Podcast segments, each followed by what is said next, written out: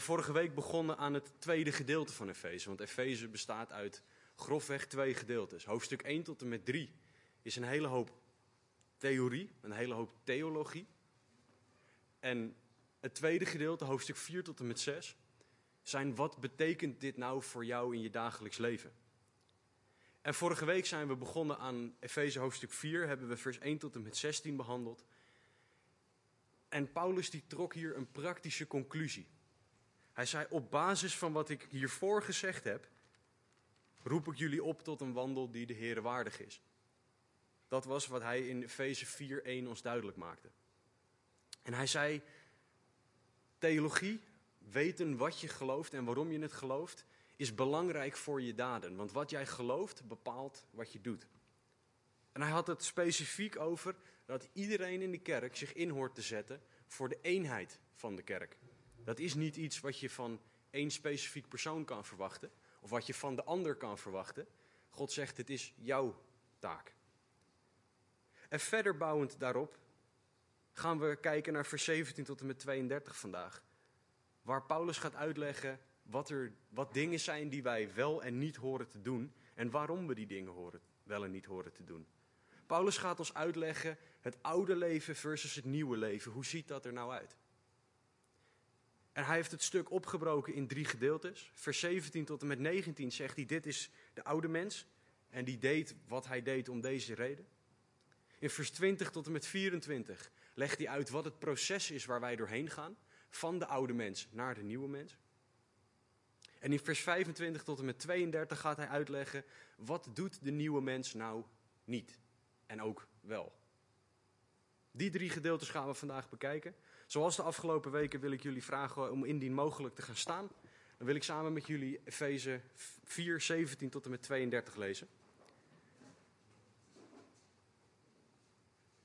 Waar Paulus schrijft: Dit zeg ik dan, en getuig ervan in de Heer, dat u niet meer wandelt zoals de andere heidenen wandelen, in de zinloosheid van hun denken, verduisterd in het verstand, vervreemd van het leven dat uit God is, door de onwetendheid die in hen is, door de verharding van hun hart. Zij hebben zich, ongevoelig als ze zijn geworden, overgegeven aan losbandigheid, om alle onreinheid begeerig te bedrijven. Maar u hebt Christus zo niet leren kennen. Als u Hem tenminste gehoord hebt en door Hem bent onderwezen, zoals de waarheid in Jezus is. Namelijk dat u, wat betreft de vroegere levenswandel, de oude mens aflegt die te gronden gaat door de misleidende begeerten. En dat u vernieuwd wordt in de geest van uw denken. En u bekleedt met de nieuwe mens, die overeenkomstig het beeld van God geschapen is, in ware rechtvaardigheid en heiligheid. Leg daarom de leugen af en spreek de waarheid, ieder tegen zijn naaste. Wij zijn immers leden van elkaar. Word boos, maar zondig niet. Laat de zon niet ondergaan over uw boosheid en geef de duivel geen plaats. Wie gestolen heeft, moet niet meer stelen, maar zich liever inspannen om met de handen goed werk te doen, om iets te kunnen delen met wie gebrek heeft. Laat er geen vuile taal uit uw mond komen, maar wel iets goeds, dat nuttig is tot opbouw, opdat het genade geeft aan hen die het horen. En bedroef de Heilige Geest van God niet, door wie u verzegeld bent tot de dag van de verlossing. Laat alle bitterheid, woede, toorn, geschreeuw en laster van u weggenomen worden, met alle slechtheid. Maar wees ten opzichte van elkaar vriendelijk en barmhartig en vergeef elkaar zoals ook God in Christus u vergeven heeft. Heren, dank u wel voor dit stuk tekst. Heren, dank u wel voor de brief aan de gemeente in Efeze en hoe praktisch van toepassing die nog is voor ons. Heer, het is mijn gebed dat u tot onze harten spreekt, dat u uzelf laat zien aan ons. Heer, want wij hebben u nodig. Geef mij woorden alstublieft om te spreken. Laat niks van mijzelf over mijn lippen komen, maar laat alleen uw woorden van leven de harten bereiken. Heer, dat bid en vraag ik in Jezus' naam. Amen. Neem alsjeblieft plaats.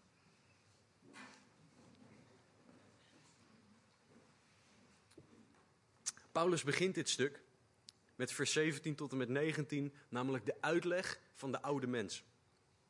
Hij gaat verder hier met de gedachten uit het vorige, vorige gedeelte. En je moet je voorstellen, toen Paulus deze brief schreef, was het een boekrol. Was het een rol perkament die in één keer werd voorgelezen. Dus de preek was het voorlezen van een brief van Paulus, Johannes, Petrus. En er waren toen geen verzen. Er waren geen hoofdstukken, er waren geen tussenkopjes zoals die er hier staan. Er waren geen verwijzingen naar andere Bijbelteksten. Het was één brief van Paulus aan deze gemeente. En Paulus komt dus uit de gedachte van vorige week dat wij allemaal de verantwoordelijkheid hebben om te werken voor eenheid binnen de kerk. En Paulus zegt dan, dit zeg ik dan. En dat is een conclusiewoord. Dat zijn van die kleine dingen waar je op kan leren letten bij het lezen van het woord. Dat zijn van die dingen die helpen om de Bijbel beter te begrijpen. Hij zegt dus eigenlijk, voor de eenheid waar ik het over gehad heb, is het volgende, is de waarheid. Dus hij zegt, we hebben gekeken naar eenheid en bij die eenheid hoort wat ik nu ga zeggen.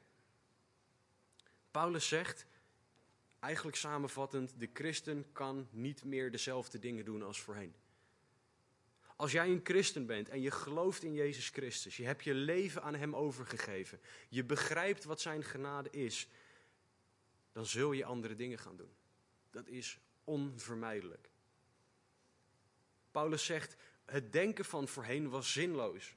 Het was verduisterd, vervreemd van God, gebaseerd op onwetendheid door de verharding van het hart. Paulus zegt in vers 17 tot en met 19: Dit zeg ik en getuig ervan in de Here, dat u niet meer wandelt zoals de andere heidenen wandelen. In de zinloosheid van hun denken, verduisterd in het verstand, vervreemd van het leven dat uit God is, door de onwetendheid die in hen is, door de verharding van hun hart. Ze hebben zich ongevoelig als ze zijn geworden, overgegeven aan losbandigheid, om alle onreinheid begeerig te bedrijven. Dus Paulus zegt: Voorheen dachten jullie zo en dat bracht bepaalde daden teweeg. Maar nu, in Christus, hoort dat anders te zijn. Hij zegt dat u niet meer wandelt zoals de andere heidenen wandelen. Letterlijk zegt Paulus dat het denken van de mensen die nog niet geloven leeg is, zinloos, verblind voor God, verduisterd voor God, uitgesloten van een relatie met God, vervreemd van het leven dat uit God is. Hij zegt dat ze gebrek aan kennis hebben. Ze zijn onwetend over de dingen van God. En ze zijn verhard richting God. Door de verharding van hun hart, zoals Paulus dat verwoordt. Dit is hoe wij vroeger tegenover God stonden. Wij allemaal, ieder die hier, ieder die hier zit, keek zo naar God. We wilden niks van God weten. We wilden niet eens weten dat er een God bestaat. Er is een, ehm, een wetenschapper die heeft gezegd dat is een niet-gelovige wetenschapper. Hij zegt de reden dat wij als westerse maatschappij niet in God willen geloven, is dat als God zou bestaan, zit dat in de weg van onze seksuele voorkeur. Wij willen allemaal dingen en hij had een breder pleidooi dat hij maakte tegen God. Maar wat hij zei is, als God bestaat, moet ik rekenschap gaan afleggen voor wat ik doe. Want dan is er iemand die groter is dan ik, die regels kan neerleggen waar ik aan moet voldoen. En dat wil ik helemaal niet. Ik wil bepalen. En hij betrok het dan specifiek op de manier waarop er tegenwoordig naar seksualiteit wordt gekeken. Dat, wordt, dat is compleet losgeslagen van hoe de Bijbel het omschrijft. Voordat wij tot geloof kwamen, wilden wij niet weten dat er een God was. Want dat zou betekenen dat wij rekenschap moeten afleggen. Wat belangrijk is, is in vers 19 dat Paulus zegt dat ze ongevoelig zijn geworden. Er staat niet dat de mens van nature ongevoelig is voor God. Er staat dat wij ongevoelig zijn geworden voor God. In Romeinen 2:15 legt Paulus uit dat de mens een geweten heeft wat aangeklaagd wordt door de Heilige Geest. moet je je zo voorstellen. Stel, je staat voor de keuze om tegen je baas te liegen op je werk over iets wat je af zou hebben, maar wat je nog niet af hebt. Dat ene belangrijke document wat je af zou hebben. En dan zeg je tegen je baas: nee, ik had het druk. Kan een heel valide reden zijn, maar je was eigenlijk andere dingen aan het doen. Zoals tegenwoordig mensen vaak op nu.nl zitten, Facebook, YouTube, dat soort dingen. Op dat moment dat je dat wil gaan doen, dan gaat de Heilige Geest in jouw gedachten tegen je zeggen: Doe dat nou niet. Doe dat nou niet, dat is niet de waarheid. De Heilige Geest gaat jou aanklagen, gaat je pushen om het juiste te doen. Alleen op het moment dat wij daar niet naar luisteren, dan wordt dat stemmetje steeds zachter. Je krijgt als het ware een eeltlaagje over, over je heen. Ik speel zelf harp en ik krijg altijd eelt op mijn vingers op het moment dat ik langere tijd weer speel. Mijn vingers worden daar echt gevoelig, gevoelig, gevoelloos van. Ik kan gewoon een naald dan in mijn vinger steken en ik voel het niet. Dat is het idee van wat er hier gebeurt. We worden ongevoelig voor wat God tegen ons zegt. Doordat we continu Hem afwijzen, doordat we niet luisteren naar wat Hij zegt. Dat is de ongevoeligheid waar Paulus het hier over heeft. En dat is hoe wij waren voordat wij tot geloof kwamen. En dat leidt ertoe dat wij maar alles doen wat er in ons opkomt. Als je denkt dat dat niet klopt, er is sinds kort een film uit over het Stanford Prison Experiment. Daar werden twee groepen mensen in een gevangenis, of in, een, in de, um, de uh, kelder sorry, van Stanford uh, Universiteit werden neergezet. Er waren twee groepen studenten, waren geen rare psychopathische mensen. Het waren gewoon normale studenten. Ze hadden allemaal een psychologisch onderzoek gekregen van tevoren. En de, de groep werd in tweeën gedeeld. Eén groep was gevangenisbewaarders, de andere groep was een groep gevangenen. En er werd gezegd, gevangenisbewaarders, jullie bepalen de regels. Dat, dat experiment, ik vergeet hoe lang het zou duren, volgens mij ergens tussen de 20 en de 30 dagen moest het duren. De onderzoekers keken continu mee via camera's. Op een gegeven moment hebben ze het experiment stop moeten zetten, omdat iemand van buitenaf kwam kijken. En omdat hij zei, wat is dit voor beestachtige situatie. De mensen werden uitgebuit. Ze werden nog net niet verkracht door de, door de, aan, door de, um, door de gevangenisbewaarders. Ze mochten eigen regels stellen en het ging compleet los. Alles ging verkeerd. Dat is wat de mens doet als de mens mag doen wat ze wil. De mens maakt eigen regels, eigen rechters, het, de sterkste wint. Zo zitten wij in elkaar. En Paulus zegt, dat is hoe jullie waren. Zo hoort het niet meer te zijn. Weet je, als jij christen bent, is de vraag: luister jij naar God of naar de verlangens die je zelf hebt? In Romeinen 1 wordt er een, heel, een hele lange lijst van dingen gegeven die er gebeurt op het moment dat de mens alleen maar luistert naar zichzelf. Die mensen zijn gevoelloos geworden voor God. En dat leidt tot een vuriger navolgen van losbandigheid, van onreinheid. Weet je, en als jij een gelovige bent, denk jij dan aan die goede oude tijd van voordat je tot geloof komt? Denk jij aan een oud pleziertje, wat dat dan ook kan zijn? Weet je, dat is niet wat God voor jou heeft. Paulus zegt, dit hoort niet meer zo te zijn. Hij zegt, ik getuig ervan dat u niet meer wandelt zoals de andere heidenen wandelen. Dat hoort het getuigenis over ons leven te kunnen zijn. Als jij nog niet gelooft, dan denk je nu misschien, ja, maar je spreekt mij nu heel erg aan. Dat klopt. Maar dat zijn dingen die ik doe. Ja, dat klopt. Mijn vraag is, knaagt er niet iets op het moment dat je dat doet? Want dan is het God die jou wil duidelijk maken dat je dingen doet die niet horen. Nu is dan het moment om te luisteren. Nu is het moment waarop God jou duidelijk gaat maken hoe jij van je zonde kan afkomen, hoe jij van je schuldgevoelens kan afkomen, hoe jij vergeven kan worden door het accepteren van Jezus offer aan het kruis. Want het is alleen door Jezus Christus. Het is niet een beetje van jezelf en een beetje van God. Het is alleen Jezus Christus. Hij is de weg, de waarheid en het leven. Alleen door Hem. Paulus wil ook dat er over jouw leven gezegd kan worden dat jij niet meer wandelt zoals voorheen. De oude mens, zegt Paulus, dat is, dat is dit. En vanaf vers 20 gaat hij verder met uitleggen wat het proces is waar wij als christenen in horen te zitten. Hij zegt in vers 20, maar u hebt Christus zo niet leren kennen. Als u hem tenminste gehoord hebt en door hem bent onderwezen, zoals de waarheid in Jezus is. Paulus begint hier aan de vorige levenswandel tegenover Christus zetten. Paulus zegt, jullie hebben, als jij jezelf een christen noemt, feiten geleerd over Jezus Christus. Je hebt hem ervaren en daardoor weet je dat die feiten over Jezus niet zijn zoals jij voorheen leefde. Als christenen horen wij feiten over de Heer Jezus te leren kennen. Namelijk wat er hierin staat. Dit zijn feiten, dit is niet een mening. De dingen die ik hier zeg zijn niet mijn mening, maar die zijn gebaseerd op het woord van God. Als ik hier mijn mening verkondig, moeten jullie mij daarop aanspreken. Het gaat om wat God zegt. Als jij een christen bent, hoor jij zijn woord meer en meer te lezen, meer en meer te snappen. Wij moeten weten wie Christus is. En hoe doe je dat nou gewoon simpelweg? Elke dag je Bijbel lezen. Dat doe je door preken te luisteren. We hebben er, op de site hebben we er nou, ondertussen bijna 450 staan, denk ik. Daar ben je wel even bezig om dat na te luisteren. Ga erover praten met mensen. Zorg dat je samenkomt met andere christenen om te praten over God. Als je bijvoorbeeld niet op de woensdag kan zijn omdat je op mag passen op een van je kinderen, vraag om een, om een link dat je mee kan kijken.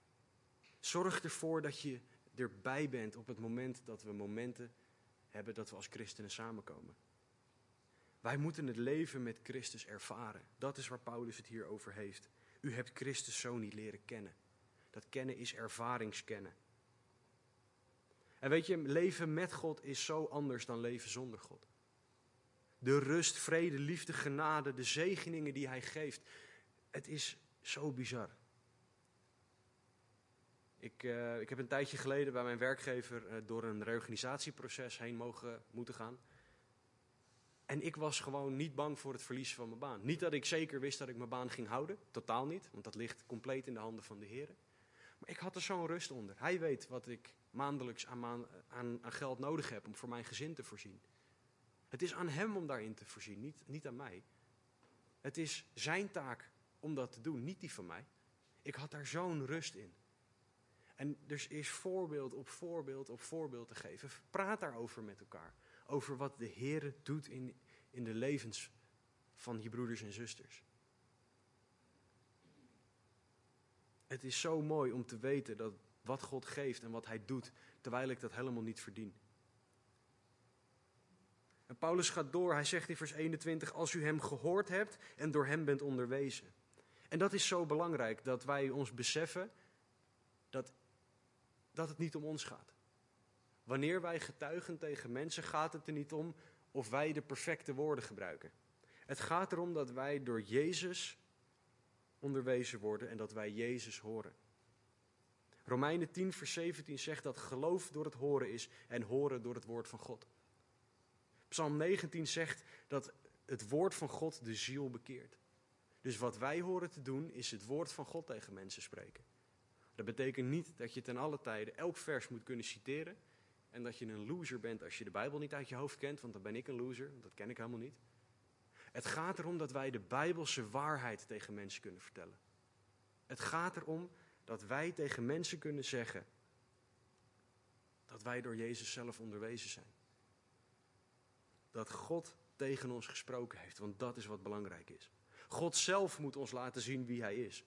God zelf moet ons laten zien hoe groot Hij is. God zelf moet ons laten zien dat Zijn genade genoeg is. Hij moet ons laten zien dat wij zondaren zijn die redding nodig hebben. Dat is niet iets waar ik jou van kan overtuigen. Dat is iets geestelijks en dat moet God tegen jullie zeggen.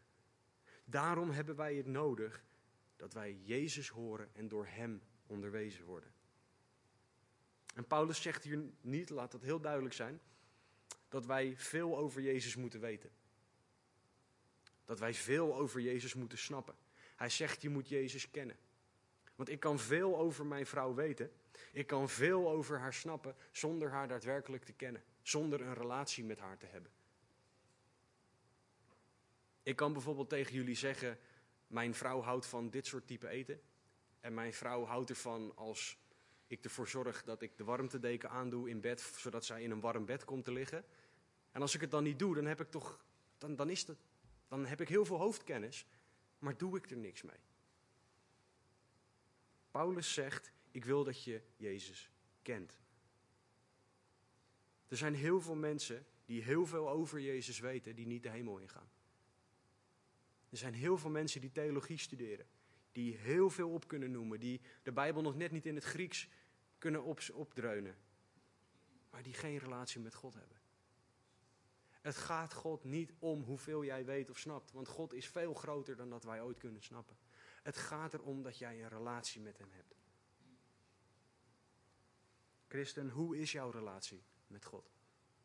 Hoe is jouw relatie met Jezus Christus? Spendeer jij elke dag tijd aan Hem? Of doe je dat niet? Spendeer jij elke dag tijd in Zijn woord? Spendeer jij tijd om met Hem te praten in gebed? Of doe je dat niet? Als jij nog niet gelooft, weet jij veel over Jezus? Weet jij over Jezus of ken jij Jezus? Jezus heeft de dood en de zonde overwonnen. Jezus wil jou eeuwig leven geven. Jezus wil alle zonde en schuld van jou wegnemen. Het enige wat jij hoeft te doen is Hem geloven. Je hoeft alleen maar te geloven dat Hij de waarheid spreekt. En dan mag je Hem vragen om vergeving voor je zonde. Dan zal Hij je schuldgevoelens wegnemen.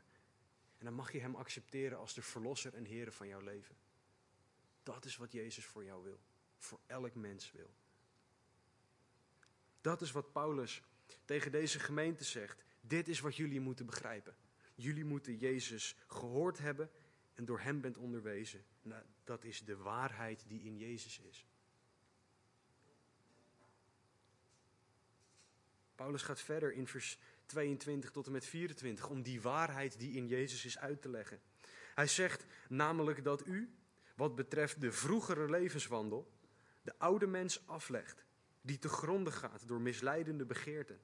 En dat u vernieuwd wordt in de geest van uw denken en u bekleedt met de nieuwe mens, die overeenkomstig het beeld van God geschapen is, in ware rechtvaardigheid en heiligheid. Paulus begint in vers 22 met uitleggen dat wij de oude mens moeten afleggen, de vroegere levenswandel. Dat is de waarheid die er in Christus is. En hoe je dit kan vergelijken, het is een beetje een, een, een vergelijking, maar is het uittrekken van kleding en het aandoen van kleding. Zo kan je het een beetje voor je zien wat Paulus hier omschrijft. Maar het gaat dan niet om een kledingstuk, wat iemand van je af kan nemen. Dit gaat over onze natuur. En wat is dat nou weer? Nou, dat is datgene wat ons regeert. Datgene wat jouw gedachten bepaalt. Dat stuurt waar jij over nadenkt wanneer je wakker wordt. Dat stuurt hoe jij reageert op een situatie wanneer je ergens mee geconfronteerd wordt. Zij het goed, zij het minder goed. Dat is de natuur. En dat kan je zo zien. Een hond blaft omdat het een hond is. Een christen hoort te doen wat een christen doet, of wat een christen zou moeten doen, omdat het een christen is. Dus er zitten bepaalde uitingen van gedrag aan een christen die wij horen te doen, puur en alleen omdat wij christenen zijn. Dat is die natuur die tot uiting komt in ons. Maar om dat te kunnen doen, moeten we niet meer doen wat we voorheen deden. Als ik zeg, ik ben een christen, maar ik ben toch een racist. En ik zeg, uh, alle mensen die niet eruit zien zoals ik, wegwezen. Dat is toch niet God? Jezus zegt, al zo lief had God de wereld. En het woordje wereld betekent daar de wereld. Er wordt heel veel moeite gedaan om dat woordje iets anders te laten betekenen. Maar dat kan niet. Als je de grotere context van de Bijbel bekijkt, kan dat niet. God houdt van iedereen. Ik hoor dus liefde te hebben voor iedereen. En zo zijn er voorbeelden na voorbeelden na voorbeelden die we kunnen geven van hoe wij anders horen te handelen nu dan dat we voorheen deden.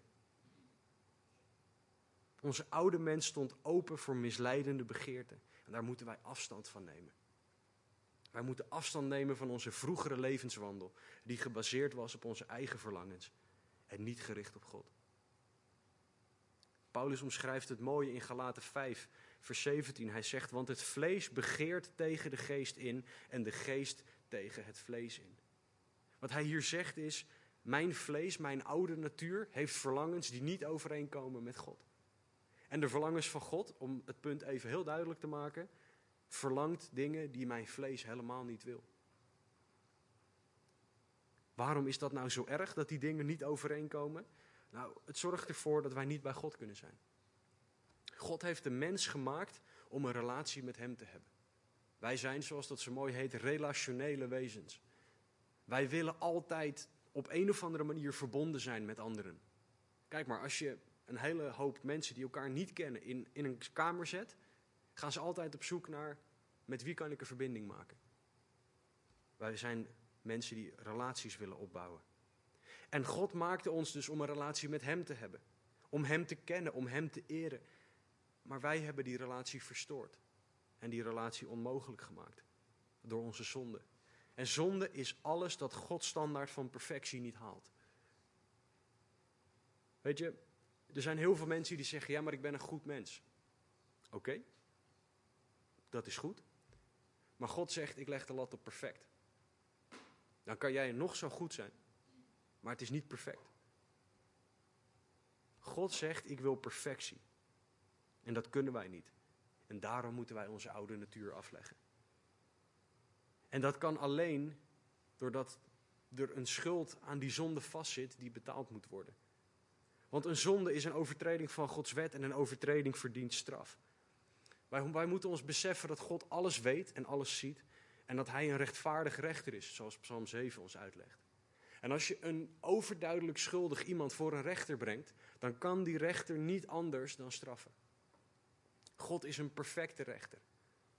Dus Hij zal moeten straffen wat er tussen ons in staat, tussen mens en God. En dat is waar Jezus om de hoek komt kijken. Jezus houdt van jou en hij houdt van mij. Jezus droeg de straf die wij verdienden. Hij droeg jou en mijn zonde, jou en mijn pijn, omdat hij dat wil. Het is niet dat ik een pistool tegen Jezus hoofd heb gehouden en heb gezegd, en nu gaat u dit even doen.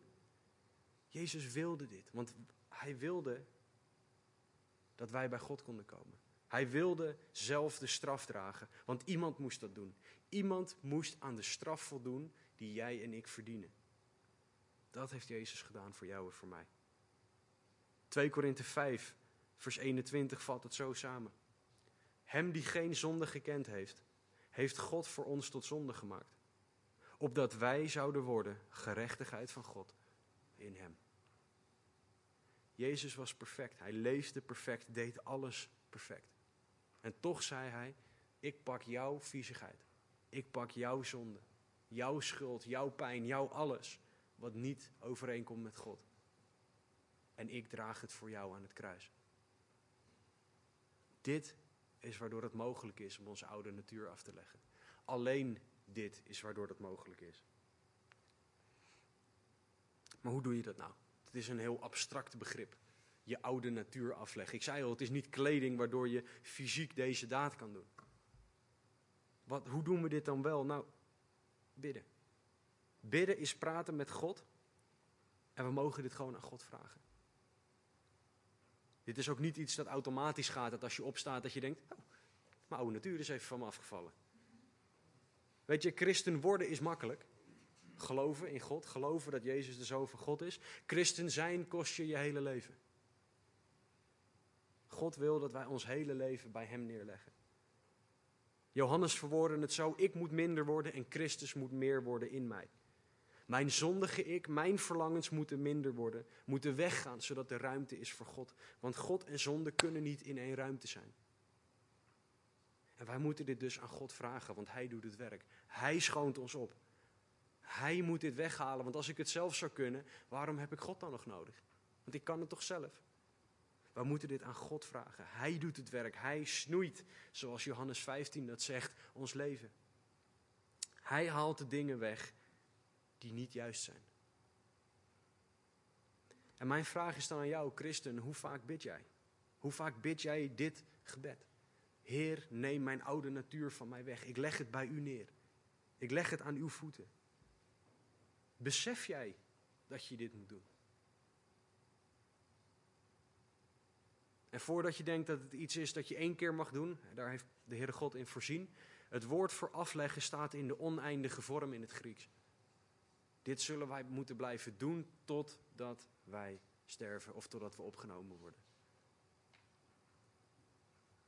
Als jij nog niet gelooft, weet dan dat je bij God mag komen zoals je bent.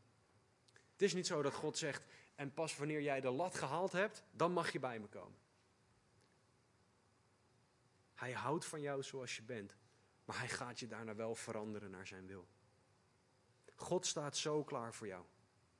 God staat klaar om jou met open armen te ontvangen. Hij houdt zoveel van jou. Het is niet voor niets symbolisch dat Jezus in deze houding stierf. Zoveel houdt hij van jou. Zoveel houdt hij van mij, van ons allemaal. Het enige wat jij hoeft te doen is bidden, met God praten en toegeven dat jij een zondaar bent die vergeving nodig hebt. Jij moet geloven dat Jezus de Zoon van God is en zijn vergeving accepteren. That's it. En daarna gaat God met jou aan de slag. Wat hij gaat doen nadat jij die oude natuur hebt afgelegd, is hij gaat je denken vernieuwen, zegt hij in vers 23. En dat u vernieuwd wordt in de geest van uw denken. Weet je, onze oude natuur, dat oude gebeuren, had een bepaalde manier van denken. Bij mij was dat, zeker toen ik nog een stuk jonger was. Als ik iets wil, dan lieg ik er wel over. Ik kan me nog herinneren dat ik, dat is echt, ik weet niet of ik het ooit tegen iemand gezegd heb. Maar ehm, ik zat op een basisschool in Hoofddorp en uh, ik fietste toen samen met mijn oudere broer naar huis. En wij mochten, volgens mij, ik weet niet waarom, maar er zal een goede reden achter gezeten hebben. Wij moesten altijd eerst een boterham met vleeswaren eten. Oké, en daarna mochten we iets van pindakaas of appelstroop of weet ik het wat. Maar ik wilde gewoon een boterham met pindakaas. Dus wat zei ik tegen mijn broer? Nee, mama heeft gezegd dat we eerst pindakaas mogen eten. Had ze helemaal niet gezegd. Maar ik wilde die boterham met pindakaas hebben. Dus ik was bereid om daarvoor te liegen. Mijn gedachten waren erop gericht, ik wil hebben wat ik wil.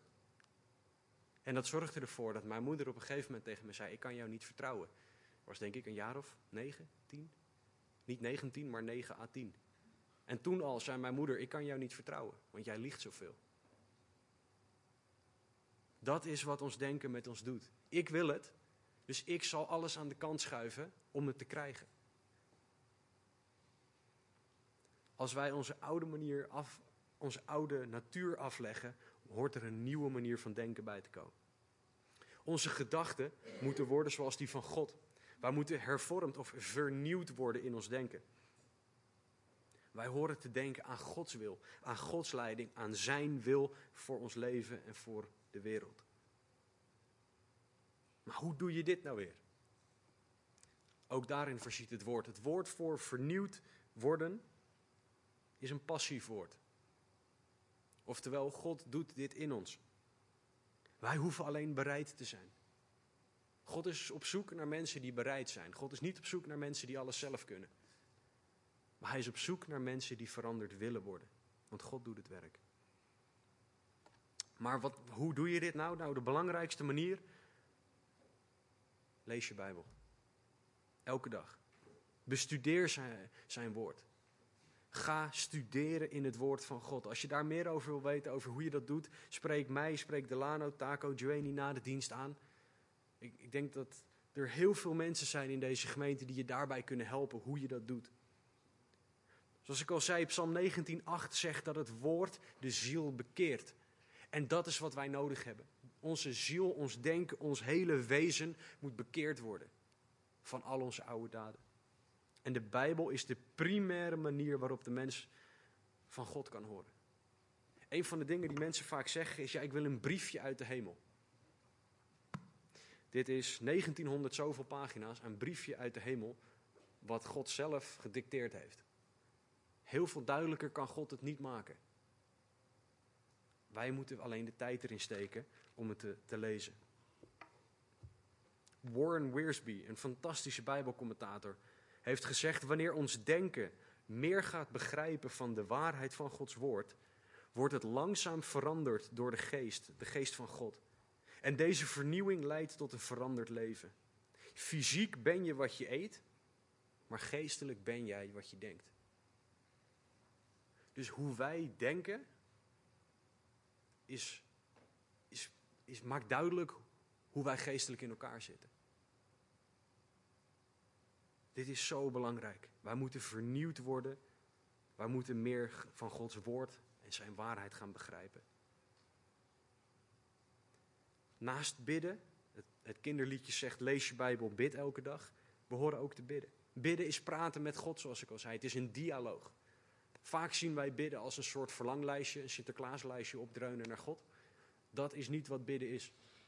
Bidden is praten met God en dat betekent dat wij soms gewoon even stil zijn. In de psalmen staat niet voor niets, wees stil en weet dat ik God ben.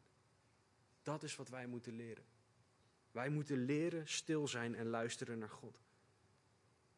Ook op deze manier zal God ons denken gaan veranderen, want Hij zal tot ons gaan spreken. Dan gaan we zien namelijk hoe Hij denkt. En dan gaat Hij ons denken veranderen. Een derde manier die heel, heel goed is om veranderd te worden in je denken, is samen zijn met broeders en zusters. Ik kan jullie niet uitleggen hoeveel ik geleerd heb door bij Stan en Marnie thuis over de vloer te komen. Door de manier te zien waarop zij met elkaar omgaan. Door te zien hoe zij reageren op dingen. Ik kan zoveel leren van met Kobus praten. De liefde die hij heeft, het ontzag voor God, het besef van genade. Man, man, man, wat kan ik daar een hoop van leren. Wees bewust van het tijd, met, tijd doorbrengen met broeders en zusters. Indien mogelijk ook zorg dat je met volwassenere broeders en zusters bewust tijd doorbrengt. Want dat zijn mensen van wie je heel veel kan leren. Ik zeg niet dat ik niet kan leren van mensen, of dat we niet kunnen leren van mensen die minder volwassen zijn. We kunnen heel veel leren van kinderen bijvoorbeeld. Maar wij, als we bewust tijd gaan doorbrengen met christenen, dan gaan we zoveel leren over hoe God met hen bezig is. Over hoe wij nog moeten veranderen naar Gods beeld. En dan kunnen we daar God weer om vragen. Weet je, in onze drukke maatschappij, daar hadden Taco, Delano, Joanie en ik het laatst nog over. We zijn zo druk tegenwoordig. En ik zeg niet dat het verkeerd is om druk te zijn, totaal niet. Ik ben ik zelf ook. Alleen de vraag is, waar zijn wij druk mee? De kerk in Handelingen 2 was elke dag samen. Zij kozen ervoor om dat te doen. Ik zeg niet dat wij fout maken door dat niet te doen. Ik zeg dat wij ons af moeten vragen, Heer, wat wilt u van ons? Waar wilt u dat wij tijd aan besteden? Deze kerk werd continu hervormd in hun denken omdat ze onderwezen werden in het woord. Ze baden samen en brachten tijd met elkaar door. Dat was waar hun tijdsbesteding naar uitging op het moment dat dat kon. En de vraag is dan, hoeveel tijd investeren wij in het hervormd worden van ons denken? Lees jij je Bijbel? Hoeveel lees jij je Bijbel? Lees jij je Bijbel bijvoorbeeld terwijl je nog net slaapdronken wakker wordt en je je telefoon pakt? En voor mij werkt dat niet, want ik val weer in slaap. Ik moet mijn bed uit, de kou in. Vind ik ook wel lekker persoonlijk, maar ik moet mijn bed uit. Gaan zitten op een stoel, Bijbeltje open doen, licht erbij. En dan gaat God tot mij spreken. Luister jij preken wanneer jij reist naar je werk? Bijvoorbeeld in de auto, zet jij de radio aan of zet jij een preek aan? Kom jij samen met broeders en zusters? Maak jij daar tijd voor? Bid jij met anderen? Waar spenderen wij onze tijd aan? Zo belangrijk om vernieuwd te worden in ons denken. Paulus gaat verder in vers 24. Hij zegt: Ik wil dat u u bekleedt met de nieuwe mens die overeenkomstig het beeld van God geschapen is, in ware rechtvaardigheid en heiligheid. Op het moment dat we anders gaan denken, zullen we ook andere dingen gaan doen. En dit is niet per se dat ze in, de, in volgorde staan. Ik denk wel dat, dat het een met het ander te maken heeft. Maar dit is gewoon een logisch gevolg van het afleggen van onze oude natuur. Is dat we de nieuwe natuur aandoen. Dit woord voor nieuw wijst op iets dat superieur is aan het voorgaande. Onze nieuwe natuur is superieur aan het voorgaande. Waarom? Omdat het van God komt. Niet omdat ik het doe, maar omdat God het doet. En hoe trek je die nieuwe mens nou weer aan? Nou, ook dat is gewoon God erom vragen. Bidden. Bidden dat God zal gaan regeren in je leven. Dat, dat je zijn gedachten, zijn wil en zijn blik op mensen zal krijgen. Niet meer je eigen. En ook dit is iets dat we elke dag horen te vragen. We mogen ons beseffen dat deze nieuwe mens geschapen is naar het beeld van God. In ware rechtvaardigheid en heiligheid. De nieuwe mens lijkt op God, luistert naar God, volgt God en wil God meer leren kennen. Hetgeen wat continu terugkomt in die dingen is God, niet ik. Het gaat erom dat wij God gaan volgen. De nieuwe mens is geschapen in ware rechtvaardigheid en heiligheid. Dat zijn de daden van de nieuwe mens.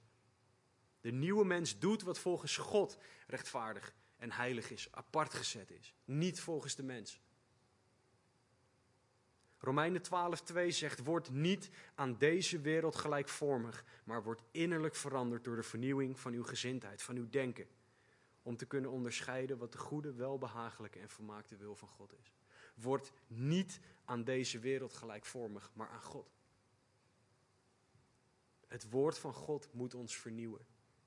En dan zullen wij dingen kunnen gaan doen die daarmee overeenkomen. En weet je, besef je dat Jezus stierf om dit mogelijk te maken. Wij zouden zijn offer niet op waarde schatten. Wij zouden zoals zeggen, het is waardeloos. Als wij, wanneer wij ons leven overgeven aan God, niet anders gaan handelen. Dan zien we God als een soort brandverzekering.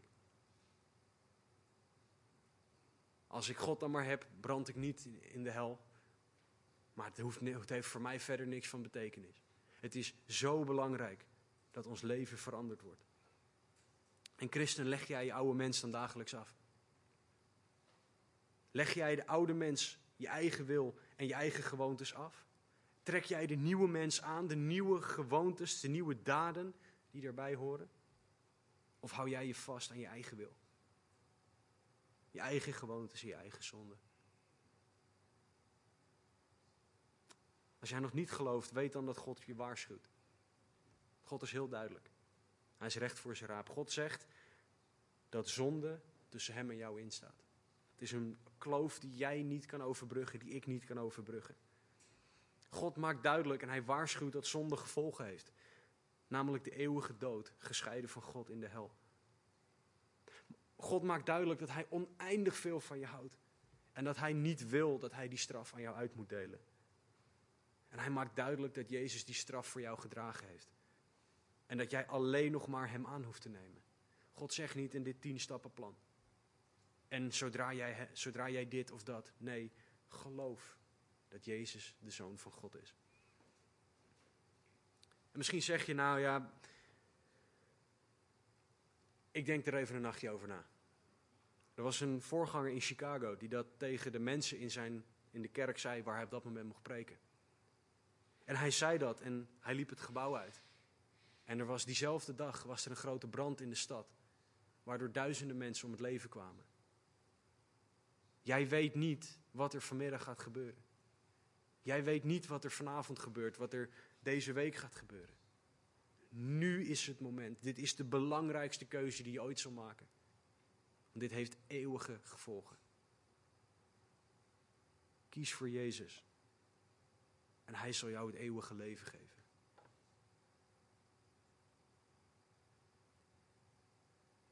Paulus zegt: Je hebt de oude mens afgelegd.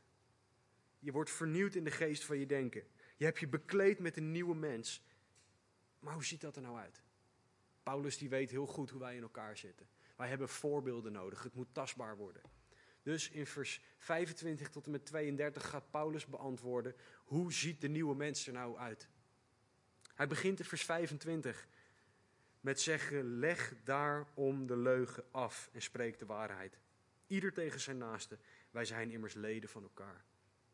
Paulus heeft een hele hoop theologische waarheid over de oude en de nieuwe mens uitgelegd. Maar wat betekent dit praktisch in daden? En vergeet niet, voordat we dit vers induiken, dat dit in de context staat van eenheid binnen de kerk. En wat wij daaraan horen te doen. Vergeet niet dat Paulus in vers 1 tot en met 16 van Efeze 4 uitgelegd heeft dat wij horen te werken aan eenheid, wij allemaal. En dat wij daar alleen aan kunnen bijdragen vanaf vers 17 als we de oude mens afleggen, vernieuwd worden in ons denken en de nieuwe mens aantrekken. Er zit een logische gevolgtrekking in. En hij zegt, nu jullie dit doen, namelijk de oude mens afleggen, vernieuwd worden in je denken en de nieuwe mens aantrekken, leg de leugen af. Dat, is Paulus, dat zijn Paulus' woorden voor stop met liegen.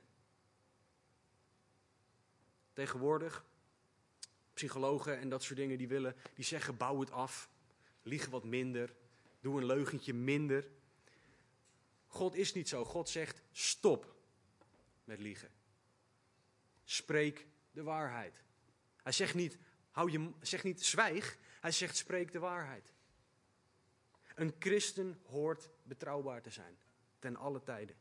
Wij horen al tijd de waarheid te spreken, hoe pijnlijk het ook voor onszelf is. Waarom? Voor het geval dat wij, want wij, wij mensen willen dat graag weten, waarom zou ik dat doen? Wij zijn leden van elkaar. Eenheid kan niet als wij tegen elkaar liegen. Als ik tegen mijn vrouw lieg, hoe kan ik dan één zijn met haar? Als jullie tegen mij liegen, hoe kan ik één zijn met jullie als gemeente? Als wij tegen elkaar liegen, hoe kan de gemeente dan één zijn? Stapje verder. Johannes 8, vers 44 zegt dat Satan de vader van de leugen is. Hij misleidt de wereld door liegen en bedriegen. Op het moment dus dat wij liegen, zeker ook tegen elkaar, doen wij de wil van de Satan, niet de wil van God. Want God zegt in Numeri 23, 19, God is geen man dat hij liegen zou. Of een mensenkind dat hij ergens berouw over zou hebben. Zou hij iets zeggen en het dan niet doen? Zou hij spreken en het niet gestand doen? God zegt, ik lieg nooit. God spreekt altijd de waarheid. Johannes 14 zegt zelfs dat Jezus de waarheid is. Christenen moeten meer worden als Christus, want Hij leeft in ons, zegt Galaten 2:20. Dat betekent dat wij de waarheid horen te spreken, niet de leugen.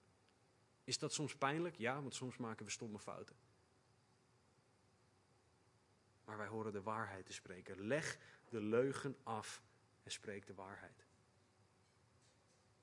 Vers 26 en 27. Word boos, maar zondig niet.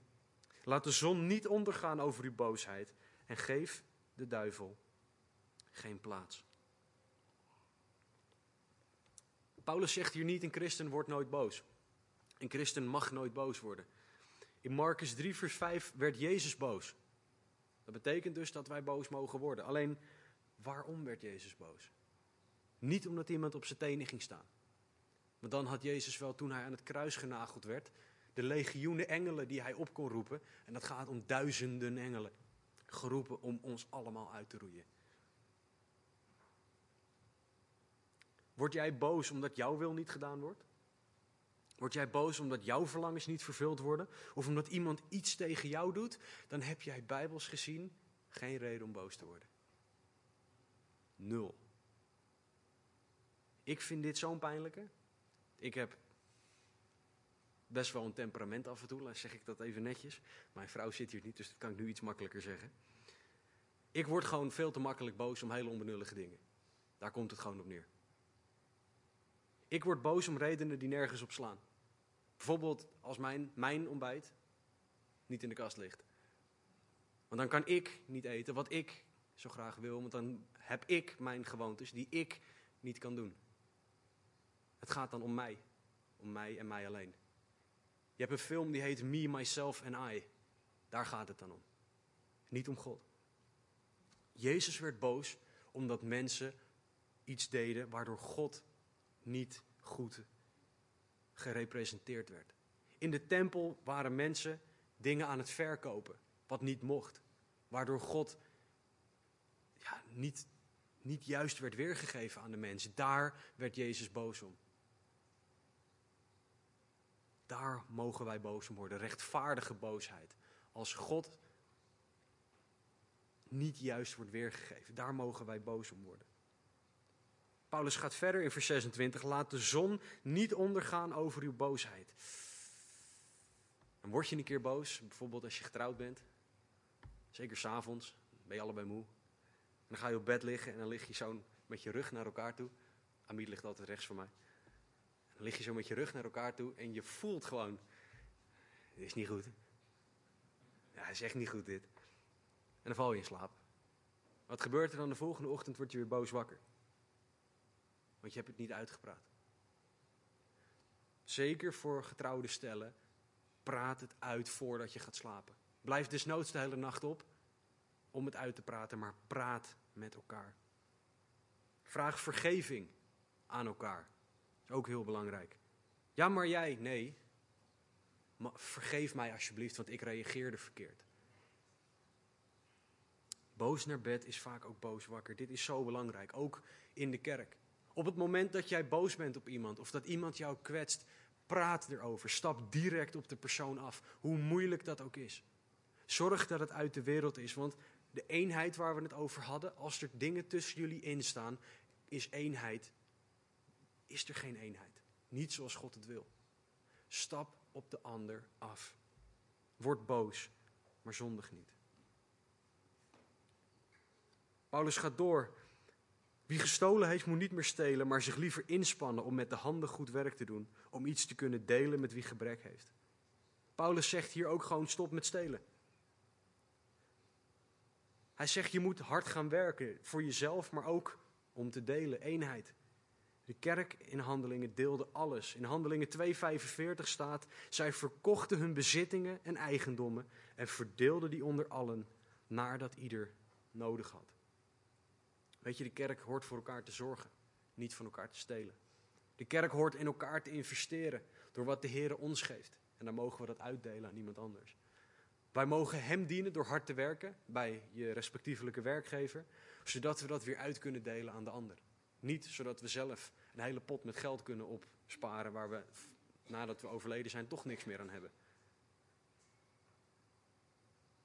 Het is belangrijk en goed om je te beseffen dat de meeste mensen die door God in de Bijbel geroepen werden, mensen waren die aan het werk waren. David was de schapen aan het, aan het hoeden. Mozes was de schapen aan het hoeden. De apostelen waren aan het vissen. Of een aantal in ieder geval. Paulus was ook aan het werk. Het was niet heel eerbaar werk, maar hij was aan het werk. God zoekt werkers. Er zijn mensen die zeggen: Ja, ik ben al bij drie banen ontslagen dit jaar. Ik denk dat de Heer mij in de bediening wil hebben. Dat is niet hoe het werkt. God is op zoek naar mensen die hard werken. Ik zeg niet dat als je drie keer ontslagen bent, dat je een vreselijk mens bent. Maar het gaat erom dat wij moeten leren werken. Werken in Gods koninkrijk. Wat voor familie zouden wij zijn als kerk als wij van elkaar stelen? Wat voor vertrouwen zouden wij in elkaar hebben als we dat doen? Paulus zegt: stop met stelen. Vers 29. Laat er geen vuile taal uit uw mond komen, maar wel iets goeds dat nuttig is tot opbouw, opdat het genade geeft aan hen die het horen. Wij horen geen rotte, corrupte, slechte taal uit onze mond te laten komen. Wij horen niet te schelden, te roddelen, mensen af te breken. Wij horen, zeker ook wij mannen, niet vol lust over collega's te praten of over andere mensen te praten. Wij horen ons daarvan verre van te houden. Dit zijn dingen die wij christenen niet horen te doen, die wij, die wij niet zouden moeten willen doen. Wij horen woorden van opbouw te spreken, nuttige woorden. Iets dat nuttig is tot opbouw van de ander, niet nutteloze woorden. Stel je de vraag, zou ik dit ook tegen Jezus zeggen? Als het antwoord daar nee op is, dan weet ik heel zeker dat je je mond moet houden. Wij horen genade aan mensen te geven door onze woorden heen. Dus wat zeggen wij tegen mensen? Hoe zeggen wij tegen mensen? En zeker in onze technologische maatschappij is dit heel belangrijk. Als je ziet wat voor idiote dingen mensen af en toe op het internet zetten. Hoe snel wij een WhatsAppje sturen vol boosheid richting iemand anders. Hoe we zonder na te denken iets op WhatsApp, Twitter, Facebook, Instagram, ik weet niet eens hoeveel het er zijn, want ik heb ze allemaal op WhatsApp na niet. Hoe snel we daar iets op zetten. Wat niet tot opbouw van de ander is. We zijn vaak zo snel dat we niet beseffen wat we zeggen. Een christen hoort puur te zijn in zijn woorden, net als God. Wij horen Gods woorden tegen mensen te spreken. Wij horen mensen op God te wijzen door wat we zeggen, hoe we het zeggen, wanneer we het zeggen. Dus de vraag is, wanneer mensen jou horen praten, horen ze dan jou of horen ze God? Geen vuile taal uit je mond, bouw de ander. En Paulus eindigt met een stuk waarin hij een hele hoop dingen op een hoop gooit. Hij zegt, bedroef de Heilige Geest van God niet, door wie u verzegeld bent tot de dag van de verlossing. Wij kunnen de Heilige Geest pijn doen. De Heilige Geest van God, die ons bewaart tot de dag dat wij bij God mogen zijn in de hemel. Die kunnen wij pijn doen.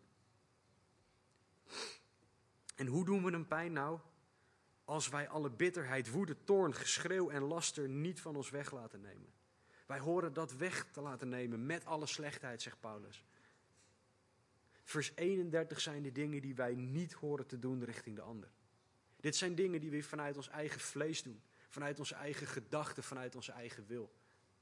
Wij horen ten opzichte van elkaar vriendelijk en barmhartig te zijn. Elkaar vergevend zoals ook God in Christus u vergeven heeft. Dat is wat wij horen te doen. Dat is wat de Heilige Geest blij maakt. Als wij vers 32 richting elkaar doen. Weet je, er zijn mensen die Gods genade voor zichzelf willen aannemen, maar die niet bereid zijn om die genade aan iemand anders door te geven. Ja maar hij of ja maar zij. Weet je wat je daarmee laat zien? Even heel hard, je snap je Gods genade niet.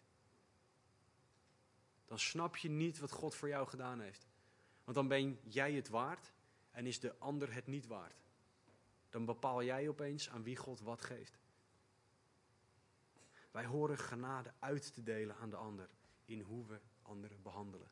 Dat is wat de nieuwe natuur doet. Dat is wat de nieuwe mens doet. Dat is wat God van ons vraagt.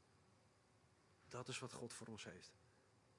En dat kan alleen als wij de oude mens afleggen. Dat wij niet meer wandelen zoals voorheen, maar dat wij vernieuwd worden in ons denken en de nieuwe mens aandoen. Dat is wat wij horen te doen. Christen, hoe zit het met jouw leven? Leg jij de oude dingen en de oude mens af?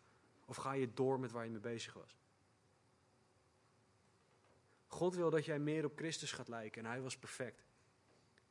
Dus leg je oude mens dagelijks aan Gods voeten. Spendeer tijd in zijn woord om je gedachten te laten vernieuwen.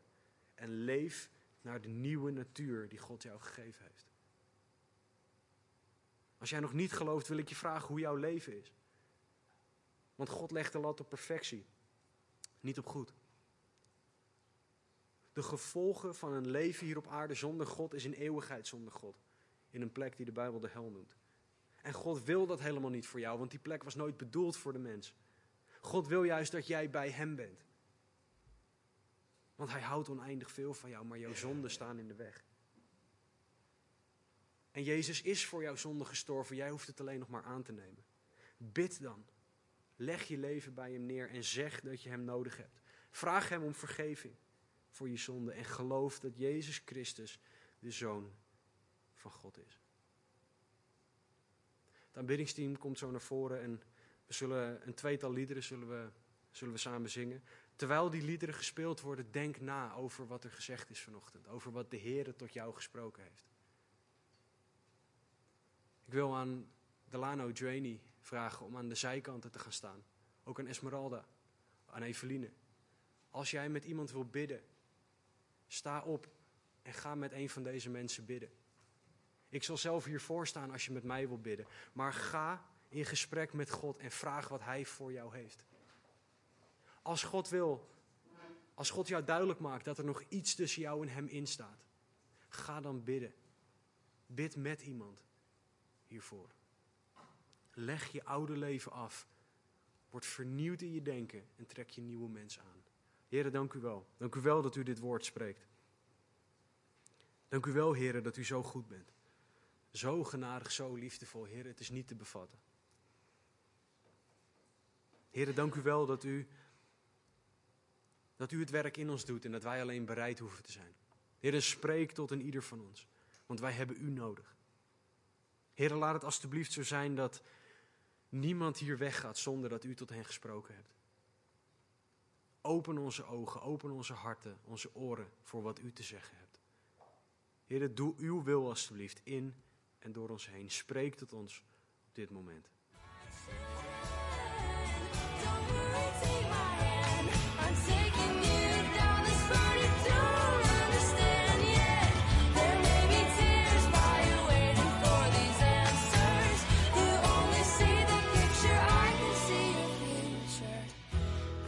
tell you right now, it's gonna be.